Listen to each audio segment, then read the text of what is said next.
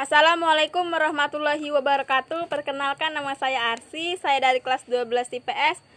Di sini saya akan menjelaskan esai saya yang berjudul Peranan Ibu dalam Keluarga. Keluarga merupakan lembaga sosial yang paling awal dikenal dan dekat dengan anak, maka peranannya dalam pendidikannya dan proses pembentukan pribadi tampak dominan. Salah satu bagian dari keluarga adalah ibu. Kehidupan se seseorang tak akan lepas dari seorang ibu.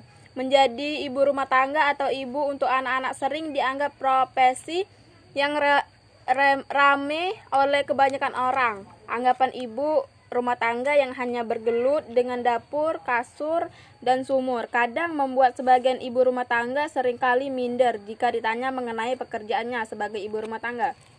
Seorang wanita yang memilih menjadi ibu rumah tangga bukanlah sesuatu yang salah baik wanita yang mempunyai latar belakang pendidikan yang tinggi maupun yang tidak. Tidak salah apabila dalam kehidupannya wanita memilih menjadi ibu rumah tangga. Peran ibu rumah tangga dalam keluarga tidak hanya terpaku pada peran ibu dalam mendidik anak-anaknya.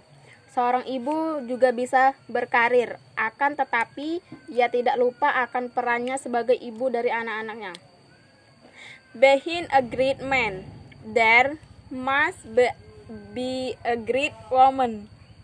Kata ini menggambarkan betapa perannya seorang ibu dalam mendidik anak dan peran ibu dalam membentuk manusia yang super. Karena bukankah ada ungkapan bahwa di balik kesuksesan seorang laki-laki adalah tergantung siapa wanita di belakangnya. Ya, wanita itu bisa jadi ibu bagi seorang anak atau istri bagi seorang suami.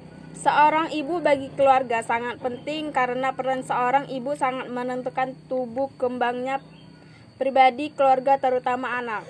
Anak mampu berkarir dan mandiri ketika kelak hidup di masyarakat adalah berkat peran ibu dalam mendidik anak. Selain peran ibu yang sangat penting dalam bentuk kepribadian anak, peran seorang ayah pun tidak bisa dihilangkan. Ibu memiliki peran menyusui anak dan merapikannya. Sementara ayah bertugas mencari nafkah dan sekali-kali ayah juga berpotensi menggantikan ibu dalam mendidik anak. Misalnya memandikan memandikannya dan mengantar anaknya ke sekolah. Sekian pe penjelasan esai dari saya. Saya akhiri wassalamualaikum warahmatullahi wabarakatuh.